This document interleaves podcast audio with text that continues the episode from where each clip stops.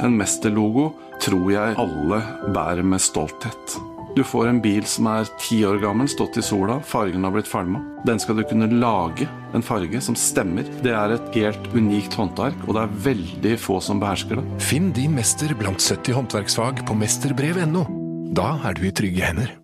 Velkommen til Ukrainapodden, en podkast fra Nettavisen. Jeg heter Tormod Malundsæter og er journalist og programleder.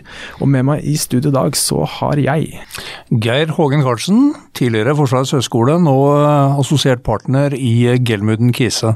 Velkommen til oss, og velkommen til det private næringslivet, Geir Hågen. Tusen takk. Det er eh, moro å være der, men det er jo enda moro, morsommere å være med deg her i studio, Tormod. Ja.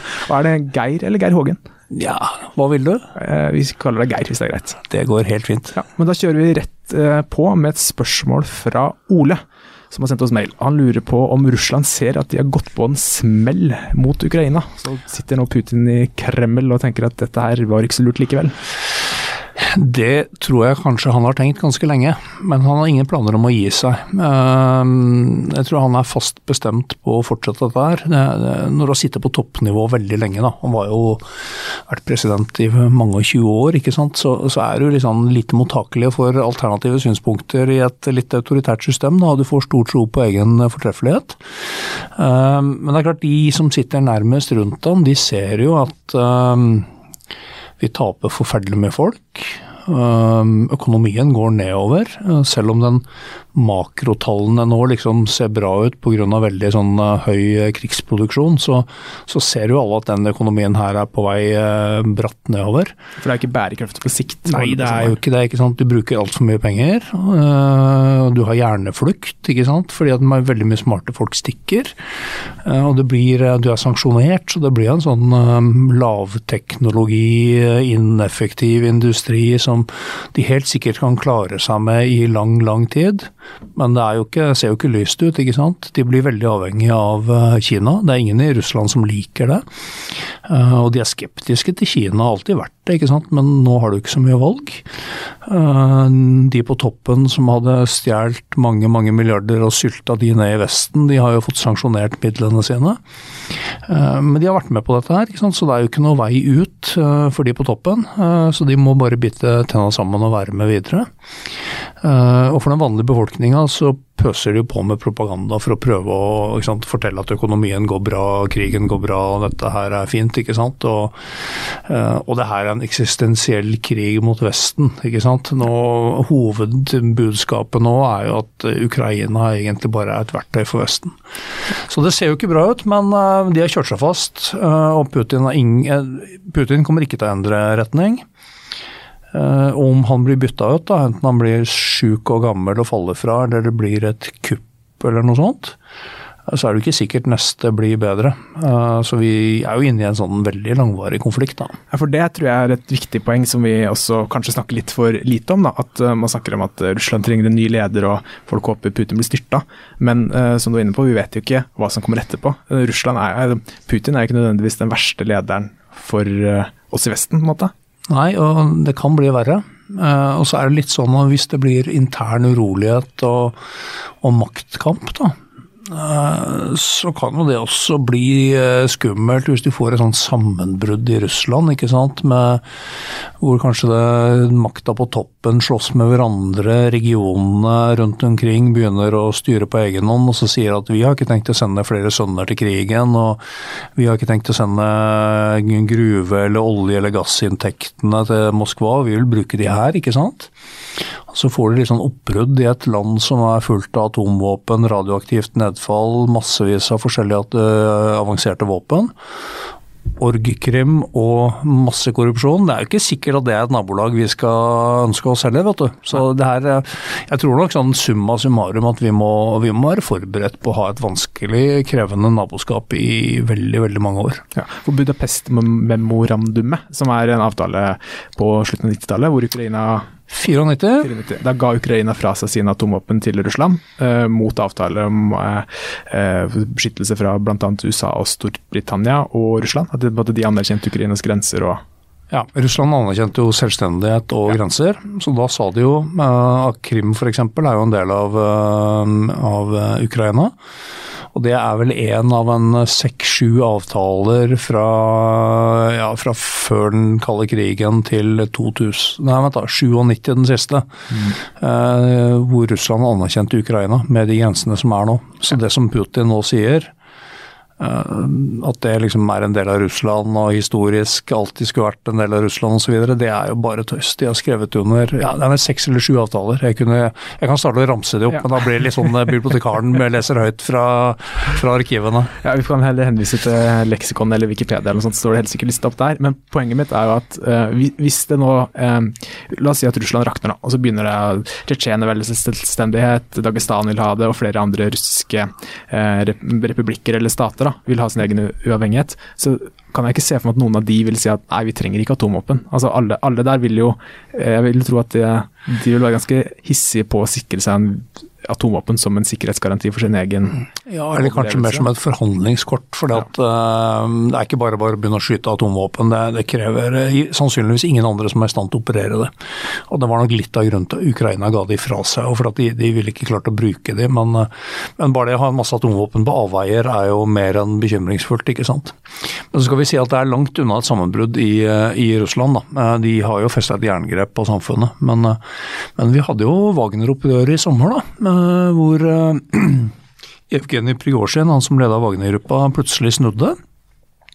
Og gikk mot Moskva med stridsvogner og luftvern, og skaut ned vel sju-åtte fly og helikoptre på veien for å kaste forsvarsledelsen det er jo egentlig ekstremt dramatisk. Det er, det, er, det er, litt sånn eh, Hvis noen hadde kommet opp med det der som sånn scenario eh, litt før, så hadde det vel, da vel fått sånn ja ja, det er uh, frisk tanke, men lite sannsynlig. Og så skjedde det. Så, så under overflaten i, i, Russland nå, så tror jeg, jeg tror det er mye mer ustabilt enn en det kanskje gis inntrykk av.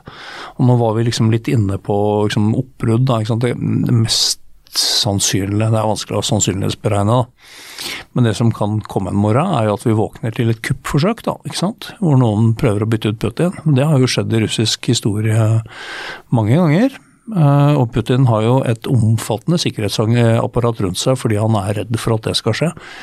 Um, så da kan vi jo få en brutal endring plutselig, ikke sant? eller at du får en mer sånn maktkamp som trekker ut fordi at han blir sjuk gammel. Han er jo, han blir vel 71 nå i år. Um, så det kan jo Det kan jo ta fokus av krigen og sånn, ikke sant. Og du får kanskje litt sånn uavklart styre, da, hvor, du, hvor, det ikke er avklart hvem som styrer, og om du har nok maktbase til å ta kontroll på samme måte som Putin. Da, for det er jo veldig mange sånne sikkerhetsorganer og fraksjoner og sånn som, som, ønsker innflytelse. Så det kan jo bli veldig sånn dramatisk i lengre tid, det altså. Absolutt, og jeg har lest noen, jeg husker ikke akkurat hvem, det er noen historikere som har skrevet litt om det at de gangene det har vært et regimeskifte i Russland, så har de da trukket seg tilbake fra alle kriger, alle pågående kriger. for de har ikke, de har ikke kapasitet til å innføre et nytt eh, regime eller et nytt styre, og samtidig fortsette kriger utenlands. Og det er jo det er en viss logikk i det, men det her blir jo spekulasjoner. Det, jo, ja, det blir, det blir, spekulativt, men det, men det, er litt instruktivt å se at mye, det har skjedd mye før som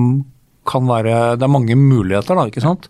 Men det var jo det som skjedde på slutten av første verdenskrig, ikke sant, hvor det rakna på fronten. Og avdelingene bare deserterte, ville ikke slåss lenger, gjorde mytteri. ikke sant, Og det var jo det vi så med, med Wagner-gruppen i sommer. ikke sant. Og det er jo noen hundre tusen mann der som har eh, mista veldig, veldig mange kamerater. Uh, har det kaldt, er sultne, mangler utstyr, elendig ledelse, får juling hvis de gjør noe galt. ikke sant, Så det er, det er, liksom, det er jo ikke utenkelig ikke sant? Nei, for vi ser jo, vi vet jo det, at de russiske soldatene, det, moralen der, er jo ikke på topp i alle avdelinger i hvert fall. De blir jo behandla skikkelig, skikkelig De har jo bare én måte å holde moralen oppe på, det er uh, trusler og juling. Ja. Og det, det, det, holder lenge. Og det fungerer bra i Russland, men, ja. men, men, og det kan fungere i mange år. Det er helt umulig å forutse. Ja.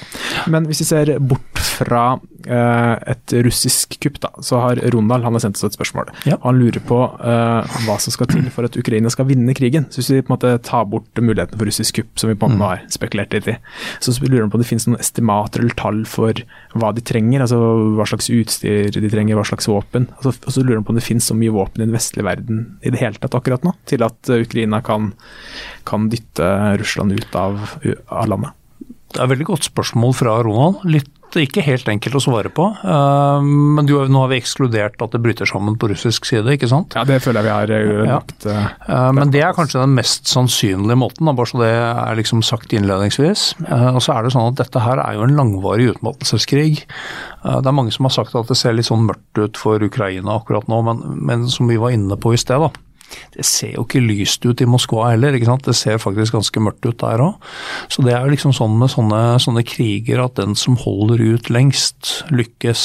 Så, er liksom, så er jo, kan vi diskutere hva det vil si å vinne her òg, ikke sant. For Ukraina betyr det å få tilbake hele landet, ikke sant. Deler av det. Betyr det å få tilbake deler av det og bli Nato-medlem og liksom dermed fjerne trusselen fra Russland, utvikle seg økonomisk og over liksom 10-20 år bli en sånn eh, mye mer moderne og vellykka stat. Ikke sant? Det er mange ja, for det er, veldig, veldig, det er veldig mange sånne uklarheter, men men liksom det litt enkle svaret nå er at mm, ja, det ser mørkt ut, det er bratt. Det er bare å fortsette videre. Eh, så går det kanskje galt for fienden på et eller annet tidspunkt. Og så er det litt sånn, eh, vi- kan vi kanskje komme litt tilbake til, at det er liksom politisk støtte, økonomisk støtte. Og det vi sikkert skal prate en del om, den industrielle krigen. Eh, ikke sant? Hvem produserer mest våpen og ammunisjon over tid? Det er jo de tingene som egentlig avgjør eh, hvor dette går hen. Du si jeg, har brukt et eksempel om at dette er en krig med fem fronter. Én front er liksom soldatene på bakken. Der står det veldig stille nå, og dør og blir såra 1000 om dagen eller noe sånt i snitt over tid. Det andre er jo den der langtrekkende krigen med droner og missiler, da, hvor russerne har satt i gang veldig kraftig mot kraftforsyning, infrastruktur og våpenindustri eh, akkurat nå. Eh, Men ukrainerne slår jo en del tilbake, ikke sant. Eh, Det er ikke sikkert de trenger så veldig mange av de beste vestlige missilene for å slå ut Kertsj-broa f.eks. Den broa som går liksom fra øst på Krim og til Russland. Og tar de den, så begynner det å bli vanskelig for russerne på Krim, ikke sant. Den, er sånne utviklinger. Um, Det tredje er jo det jeg var inne på, den industrielle krigen. sånn at vi må USA vant andre verdenskrig fordi de produserte mer våpen og ammunisjon enn Tyskland, for å si det veldig enkelt. Det er så lett. Veldig enkelt. Ja, veldig, veldig enkelt. Men uh, og så er det sånn at nå har russerne militarisert industrien sin, og samfunnet for den saks skyld. Og de får støtte fra Iran og Nord-Korea. Ikke verdens mest avanserte våpen, men ganske stort volum. Um, og de, prioriterer jo da alt inn i forsvarsindustrien. Arbeidskraft, reservedeler, penger, alle ressursene du trenger, ikke sant. Men så er jo sånn at i Vesten så er jo vi teknologisk, økonomisk og industrielt massivt overlegne. Vi kan produsere mye mer, og ikke minst mye bedre ammunisjon enn det russerne gjør. Eh, Men vi mangler litt den politiske viljen akkurat nå. Og nå er jo pressemeldingen gått ut om at forsvarsministeren og statsministeren skal til Nammo på Raufoss i morgen, så da får vi se hva som skjer, da. ja, vi kan si at du hørte det eh, først vi- på Ukraina-podden. Ja, ikke sant? Det er dagens nyhet på Ukraina-podden. Ja. Så det er jo en fair sjanse for at uh, det blir kringkasta mer ammunisjonsproduksjon i Norge uh, i, i morgen en gang. Ja, det er, Det, det jeg setter uh, den whiskyflaska på det, du vedder ikke imot det, er jeg jeg vedder ikke imot det. det tør jeg ikke. Så, så Neida, så, eh, men ikke sant, det, dette går ikke så fort nå, men, men det er mulig at vi innser at vi må endre det. ikke sant? Og så, og så kan det jo skje ting med både Iran og Nord-Korea som gjør at støtten derfra forsvinner fordi de blir opptatt med andre ting òg. Så det, det er jo det er så mange usikkerhetsfaktorer her. Eh, og så spurte liksom Ronald fins det nok våpen og sånn akkurat nå. Ammunisjon er jo egentlig det aller viktigste. Nei, ikke nå. Men dette her har jo blussa jo opp for to år siden full krig. Men det starta jo i 2014, hvor russerne tok Krim og Donbas, av østlige delen av, eh, av Ukraina.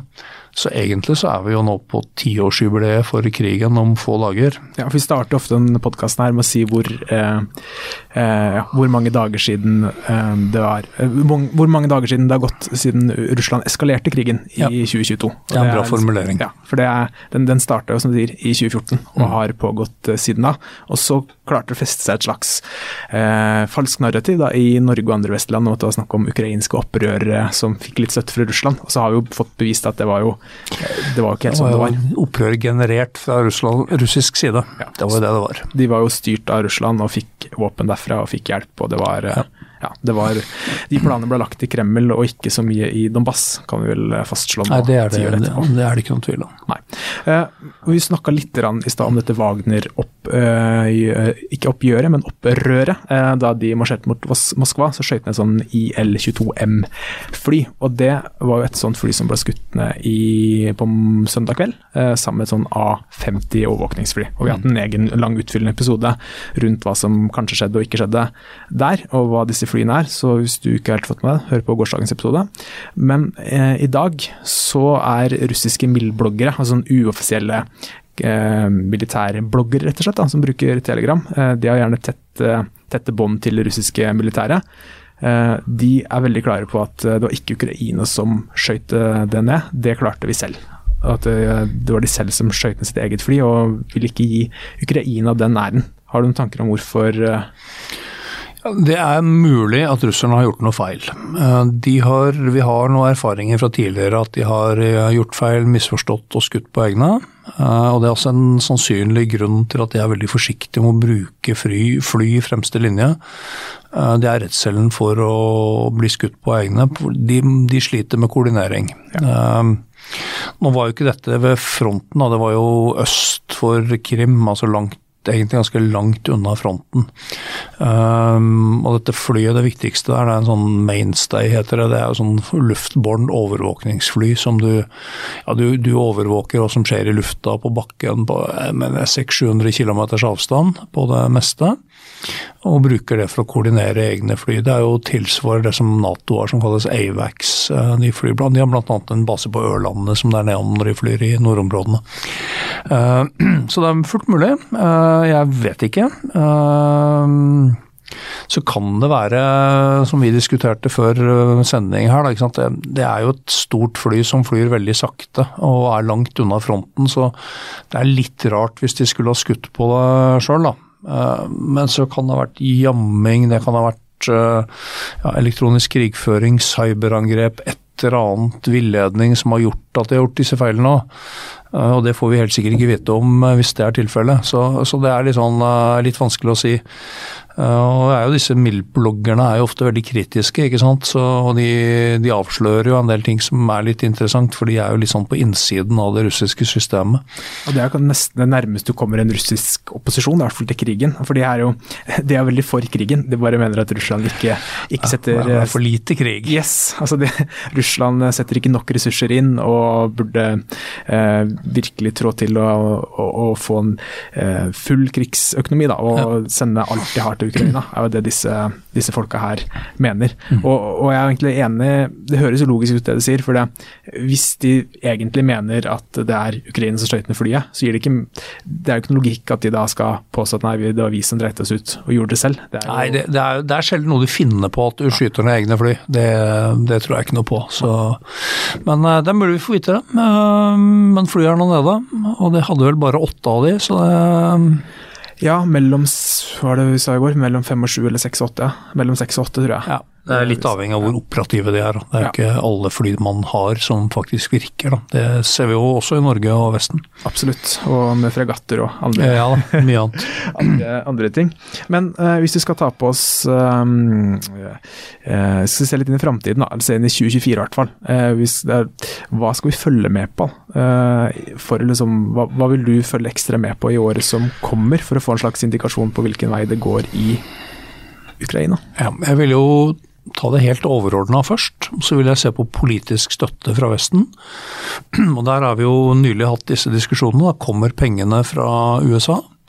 Og kommer pengene fra EU? Eh, fordi det er helt nødvendig for å skaffe nok støtte, både økonomisk og så militært. Da.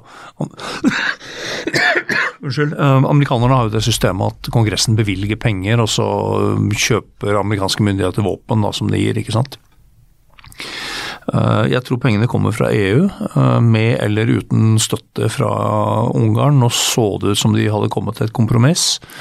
Eh, Og får de ikke til det, så finner de en annen løsning. Så de pengene kommer fra EU. Vi prater jo ja, rundt 600-700 eh, milliarder kroner fra, fra hver av de, så det er jo enorme pengesummer vi prater om.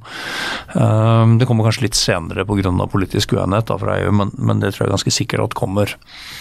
Og så er spørsmålet om det kommer fra amerikanerne. Og Det er kanskje enda viktigere, for de har jo liksom mest våpen og De bruker mesteparten av pengene på våpen. da. EU bruker mye av pengene på annen støtte, og det er også viktig, ikke sant. Men Ja, det er kritisk viktig med våpen akkurat nå. da. Ja. Eller ammunisjon, faktisk. Du trenger, trenger begge deler. Du må ha penger til å betale lønn til leger, sykepleiere og osv. Holde opp den sivile infrastrukturen.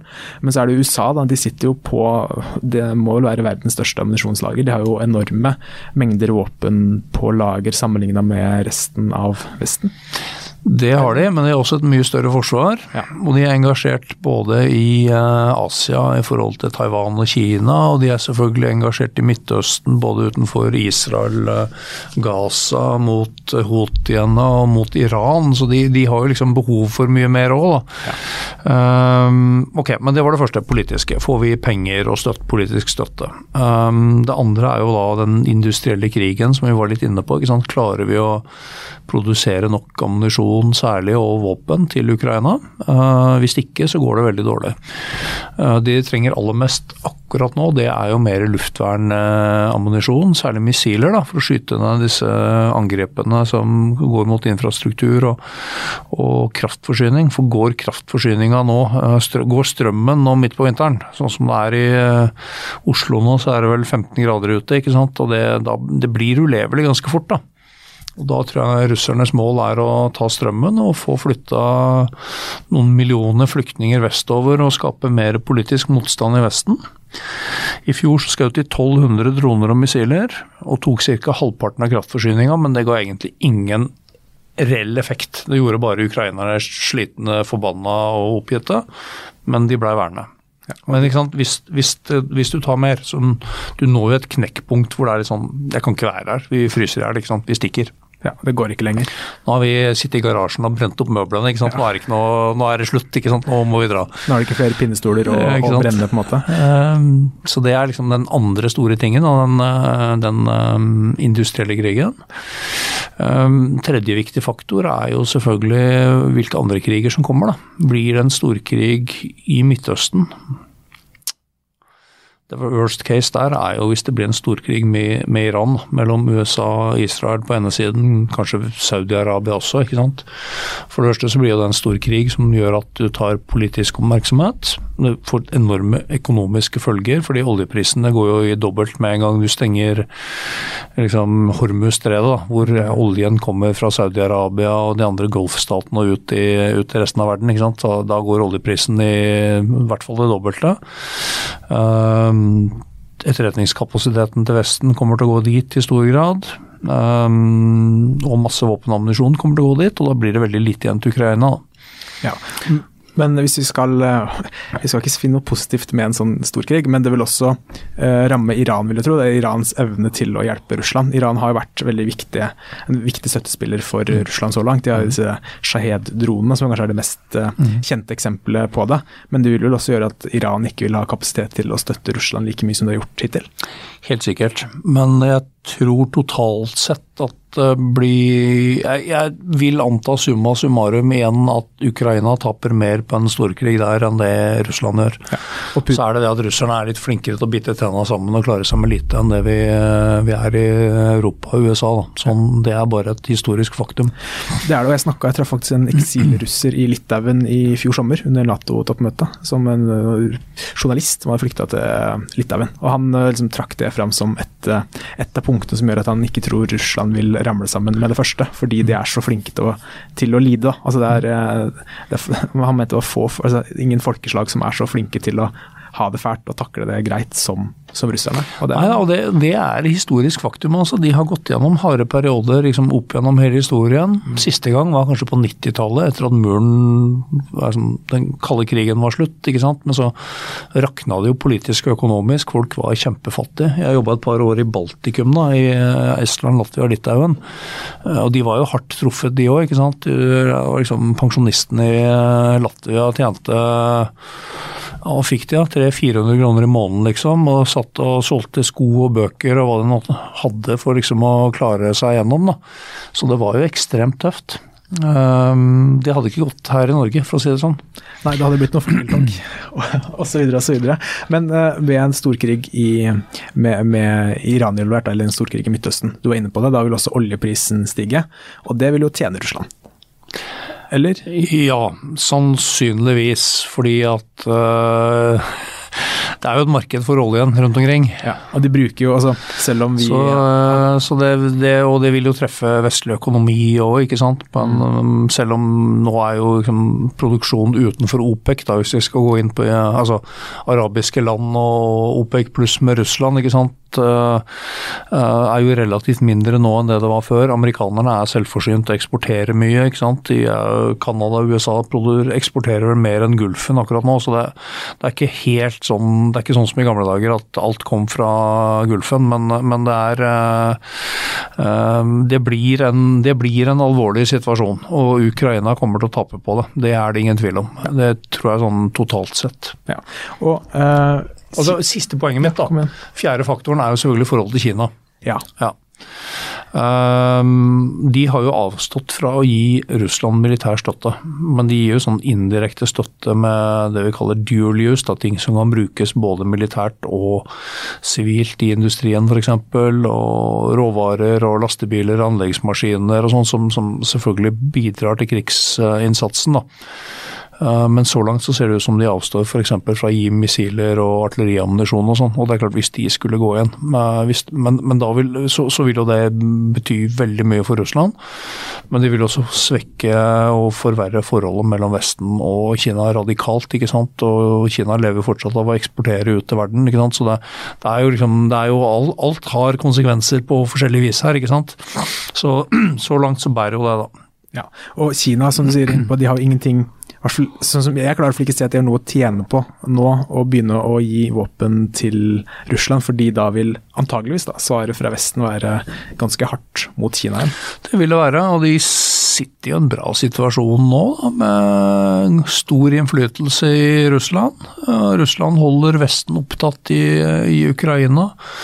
Det gir mindre energi og oppmerksomhet på Kina, det er mye av det allerede. Men det er mye på Russland nå, så det er liksom delt på flere. da. Mm. De har en alliert i Sikkerhetsrådet og internasjonal sammenheng som de kan lene seg på ved behov. Så, så, sånn sett så tror jeg de er sånn rimelig godt fornøyd med situasjonen i forhold til Russland. Ja, og, som, og, de får jo masse billig energi, ikke sant. Ja, og det er jo en av det største markedet, ikke sant. Ja.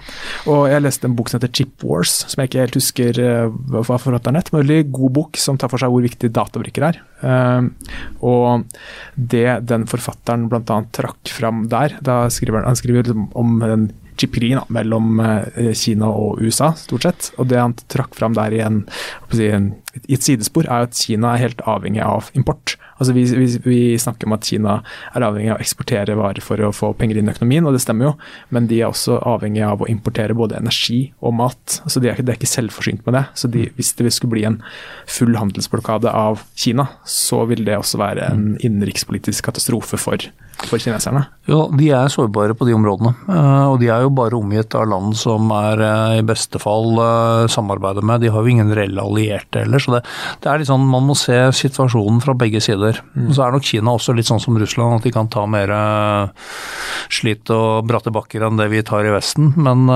men det er Skal vi liksom ikke dra den podkasten helt hit med liksom en sånn krig på alle fronter, da, både rundt med Kina og Iran og sånn. Det mest sannsynlige Gulfen, da, siden vi var inne på det, er at Iran det, Nesten alle analytikere mener at Iran ikke er interessert i en stor krig. Nei. Og det er litt viktig, ikke sant. For Iran, uh, Ayatollah Khamenei, han er 84 år gammel. De står foran et uh, lederbytte. Økonomien har vært veldig svak lenge. Um, og de hadde ganske kraftige interne demonstrasjoner eh, ja, sånn år tilbake eller så, i forbindelse med unge kvinner som ble arrestert for ikke å ha brukt sjal og slått i hjel. Det, det, var store protester. Så det å starte en krig nå på vegne av palestinerne, det vil jo ikke være gagne Iran i det hele tatt. De kan støtte det litt og de støtter ut i militsen. Og så, og så er liksom eh, De drar det så langt uh, som de har gjort, men sans, forhåpentligvis ikke lenger nå. Uh, ikke sant? For det, det, er liksom, det, det skytes uh, fra Sør-Libanon, uh, fra Hezbollah inne i Israel, men, men, ikke langt inn. Det er liksom litt innafor noen sånne ikke offentlige, litt sånn uoffisielle røde linjer. da, ikke ja. sant? Uh, største problemet nå er vel egentlig Houthiene, hvor langt de drar det. Og i hvor stor grad Iran egentlig har kontroll på dem. For det er klart at der uh, kan det jo fort eskalere.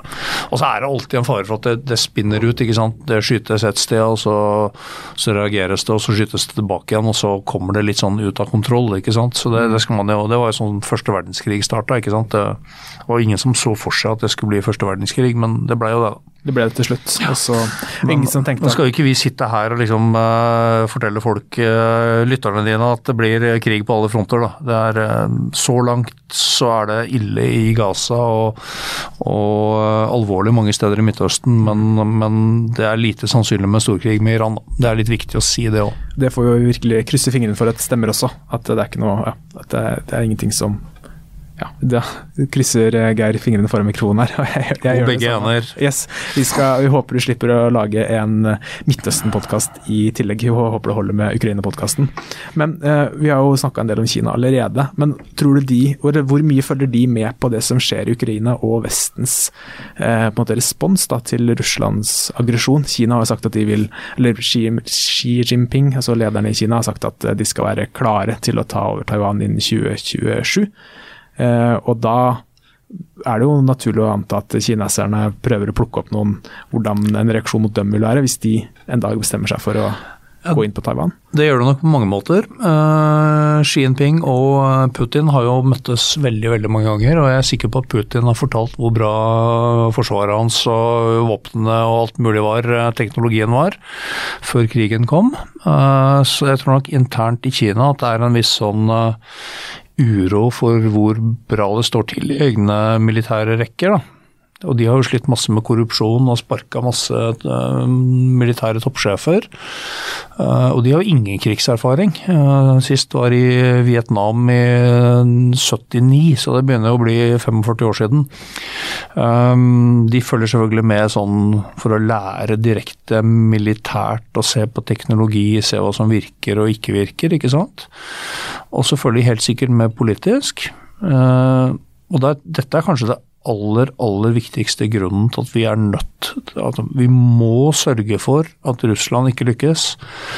For hvis Russland lykkes, så kommer jo for det første Russland til å lære at uh, hvis vi bare henger eh, på i nok mange år, så, det, så, gir Vesten seg. Og da kan vi prøve et annet sted igjen senere. Men da konkluderer jo fort uh, kineserne med akkurat det samme, at yes, Vesten gir seg til slutt. Og gir de seg i Ukraina, da, sant, som er liksom helt inne i grensa til Nato så kommer de helt sikkert til å gi seg over Taiwan også, ikke sant. Så da, da øker jo sjansen for at de prøver seg der. Og da, blir det jo, da har vi en global krise som er mye, mye større. Så den kampen om Ukraina er jo, det er jo ikke en kamp om et stykke land i Øst-Ukraina. Det kunne sikkert både du og jeg og de fleste andre sagt at ja ja, det er kanskje ikke all verdens nøye.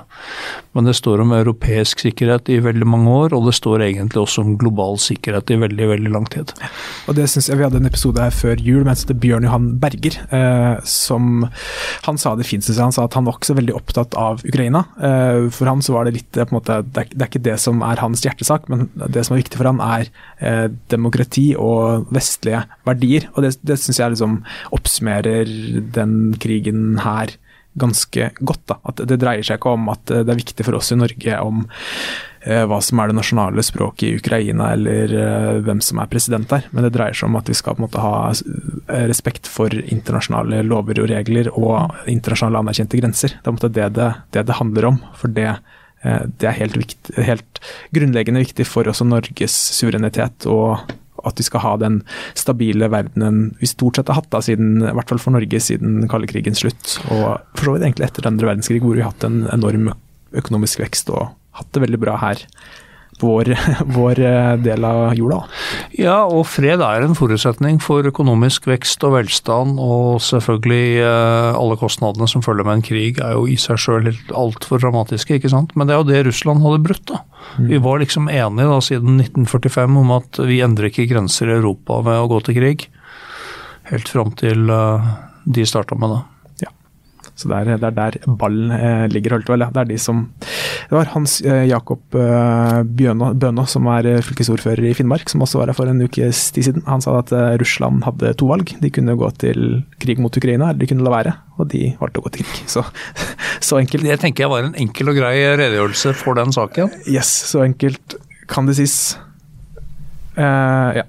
Og eh, da skal vi gå videre til et spørsmål fra Trond. Så vi har vært, vært litt innom det. Eh, han har sendt oss et eh, ganske lang mail. Eh, siden det er så vanskelig å få produksjon og leveranse av 155 mm artilleriammunisjon, er det andre ting som kan brukes, som f.eks. billige droner med sprenglading, eller droner som kan finne mål som fiendtlig artilleri og lignende, som kan skyte mer presist mot et mål, i stedet for bare å skyte i retning av der fiendtlig ild kommer fra. Lurer han på. Så han lurer på en måte om Vesten sliter da med å øke produksjonen av uh, artillerigranater. Uh, I hvert fall fram til i morgen når uh, Støre og Gram skal til Raufoss. Vi får se hva som skjer da. Men det vil jo ta litt tid før den produksjonen går opp, og det vil jo ikke være nok i seg selv til å dekke Ukrainas behov. Men kan på en måte drone f.eks. erstatte artilleri i Ukraina? Nei, de kan ikke erstatte artilleri. Uh, og det er fordi at uh, artillerigranatene er liksom i altså en 155 mm artillerigranat veier uh, 45 kilo og har kanskje inntil 10 kilo sprengstoff. Det er veldig få droner som tar liksom den vekta og den slagkraften som er der. ikke sant? Men i en sånn krig som det her, de bruker alt. Mer av alt, ja takk. Men akkurat nå, luftvern, artilleri og langtrekkende missiler, det er liksom det som er eh, helt kritisk viktig. Da. Det, det er liksom must, må ha.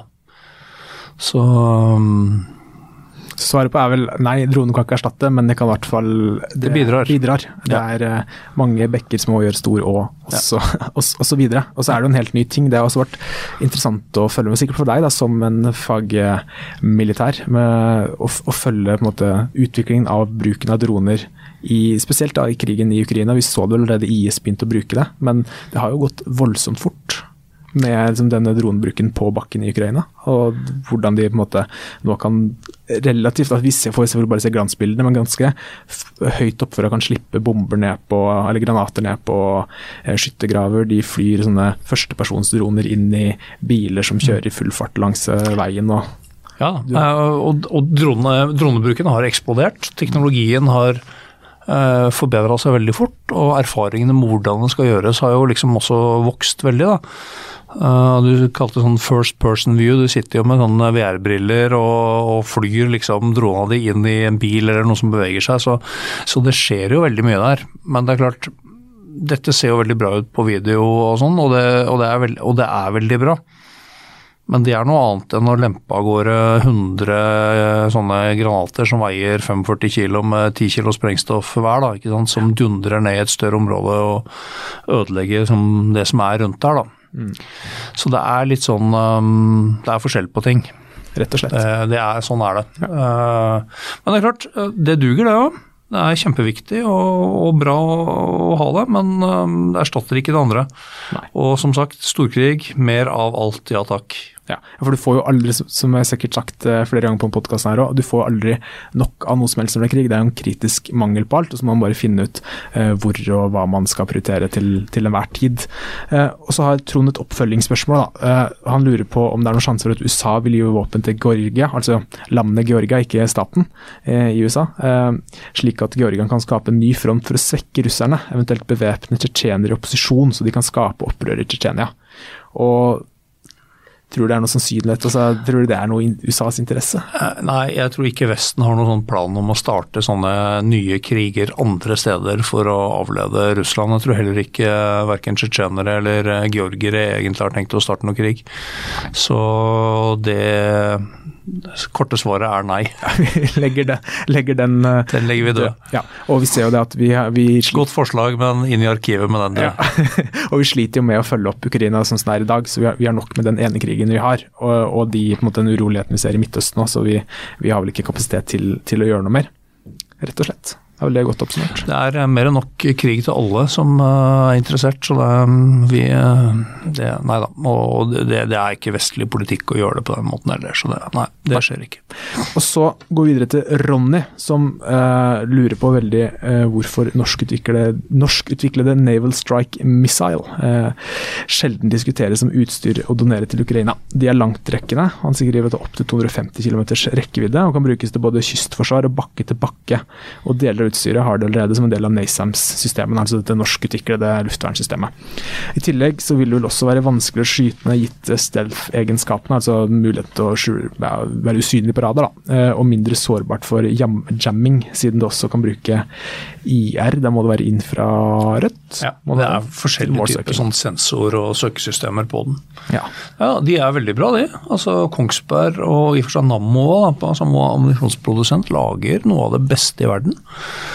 og Det har jeg sagt på NRK og andre steder før. Jeg syns folk både på Raufoss og Kongsberg skal være stolte av at de lager noen av de beste våpnene i verden, som beskytter eh, ukrainske byer hver eneste dag. Eh, nå er jeg litt usikker på hvor mye som er tilgjengelig av den, faktisk. Eh, det er et ganske nytt våpen. Eh, men du får spørre forsvarsministeren i morgen.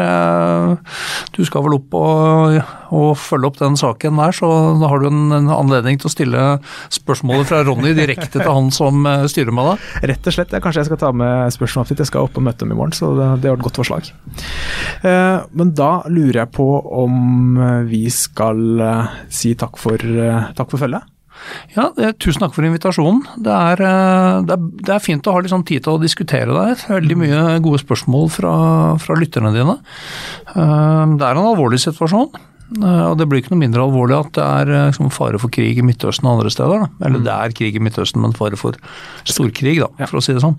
Så jeg, som jeg har sagt noen ganger, det er krig nok til alle, og det er nok av utfordringer. Så mm, dette blir nok ikke borte. Vi får eh, styrke Forsvaret og styrke sikkerheten i Norge i åra framover. Det er eh, absolutt behov for, både militært og på andre, andre områder. Ja, men før du avslutter helt, nå som du på en måte er, har blitt en fri mann, da. Du har Ja. kasta uniformen. Er det noe du på en måte eh, føler du kan si, eller er viktig å si nå som du ikke er bundet av måte, din tilknytning til Forsvaret? Nei da, altså nå jobber jeg jo som, som rådgiver i, i Gelmyden Kise. Vi er jo sånn kommunikasjons- og rådgivningsfirma. Eh, Og det er klart, nå jobber vi jo for kundene våre. Ja. Men jeg hadde stor frihet i Forsvaret til å si det jeg mente. Eh, Og vi har jo hatt kolleger som har vært eh, Det er jo fordi at Forsvarets høgskole er liksom eh, en del av universitets- og høyskolesystemet. da. Så vi kan, jo, eh, vi kan jo uttale oss på lik linje med professorer på universitetet eller hva det måtte være. Så nei da, det, der har Forsvaret vært veldig, veldig åpne. Ja, Så jeg har ikke noe behov for å liksom kaste på noe mer nå. Tvert imot. Nei, du har fått sagt det du følte he hele veien. Jeg har da, vært på mediene nærmere 2000 ganger, så det jeg ikke har sagt nå, det det, det, det Eller for å si det sånn, jeg tror jeg har fått sagt det meste. Ja. Da takker for at du brukte din 2001. gang i media på Ukraina-podden, eh, og så høres vi en annen dag. Takk for at du kom.